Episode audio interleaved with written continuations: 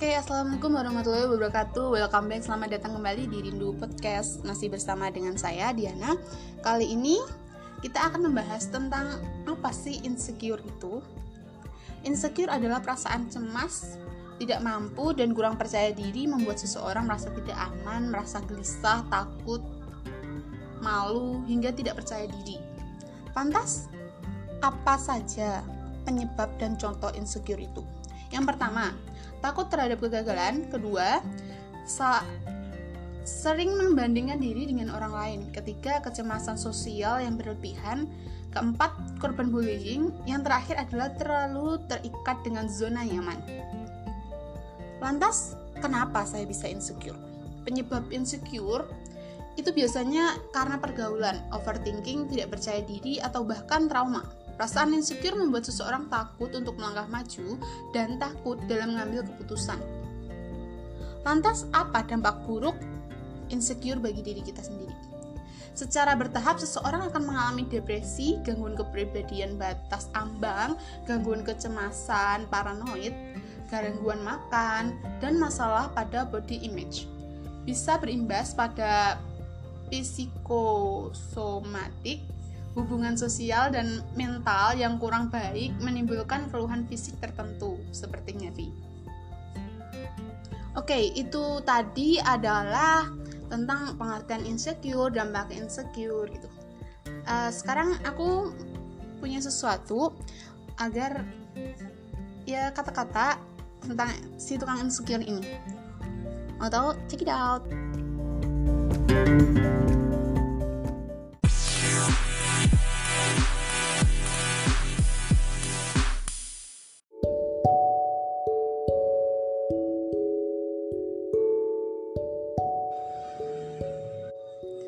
Si tukang insecure bukannya gak bersyukur, tapi emang gak percaya diri, susah percaya bahwa diri sendiri itu berharga.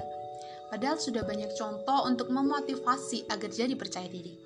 Semua influencer berkata, love yourself, tapi gak ada yang mengajarkan caranya. Orang terkenal selalu berkoar-koar untuk mencintai diri sendiri apa adanya.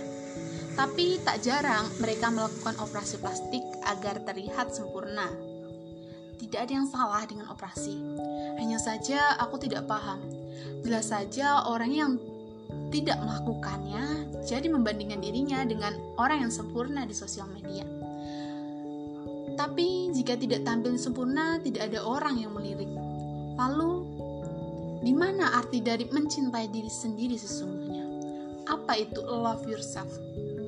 Berarti melakukan segala cara agar dapat diterima di masyarakat Apakah love yourself berarti mengubah diri sendiri menjadi figur yang laku di sosial media? Atau love yourself yang berarti merawat diri dan menjaga diri sendiri tanpa membandingkan dengan orang lain? Tidak ada yang salah dengan mengubah diri dan menyempurnakan diri sendiri. Tapi orang lain cenderung membandingkan sisi terburuk mereka dengan sisi terbaik dari orang yang sempurna itu si tukang insecure bukannya mau cari perhatian. Tapi memang dalam dirinya dia merasa kurang selalu kurang. Si tukang insecure bukannya mau mendapatkan pujian dan kata-kata manis, tapi memang butuh arahan dan cahaya untuk menuntunnya kembali menemukan dirinya sendiri. Si tukang insecure hanya kehilangan jati dirinya. Dia buta dengan segala kelebihan yang dilihat hanyalah kekurangan.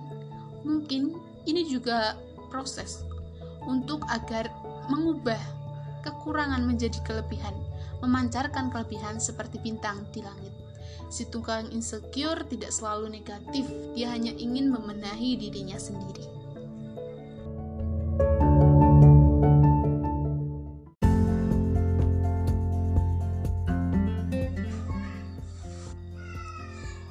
Itu tadi eh, kata-kata uh, insecure untuk si tukang insecure untuk yang selalu melihat orang-orang yang selalu sempurna di matanya tanpa melihat kelebihan mereka sendiri. Insecure itu juga banyak sih sebenarnya. Semua orang pasti memiliki rasa insecure-nya. Entah itu di bidang wajah tentang fisik harta tahta kedudukan pasti semua memilikinya. Dan semua orang itu pasti wajar memiliki itu. Tapi bagaimana caranya kita agar kita itu juga mengurangi kembali insecure itu? Lantas jika ditanya bagaimana cara kita agar tidak insecure?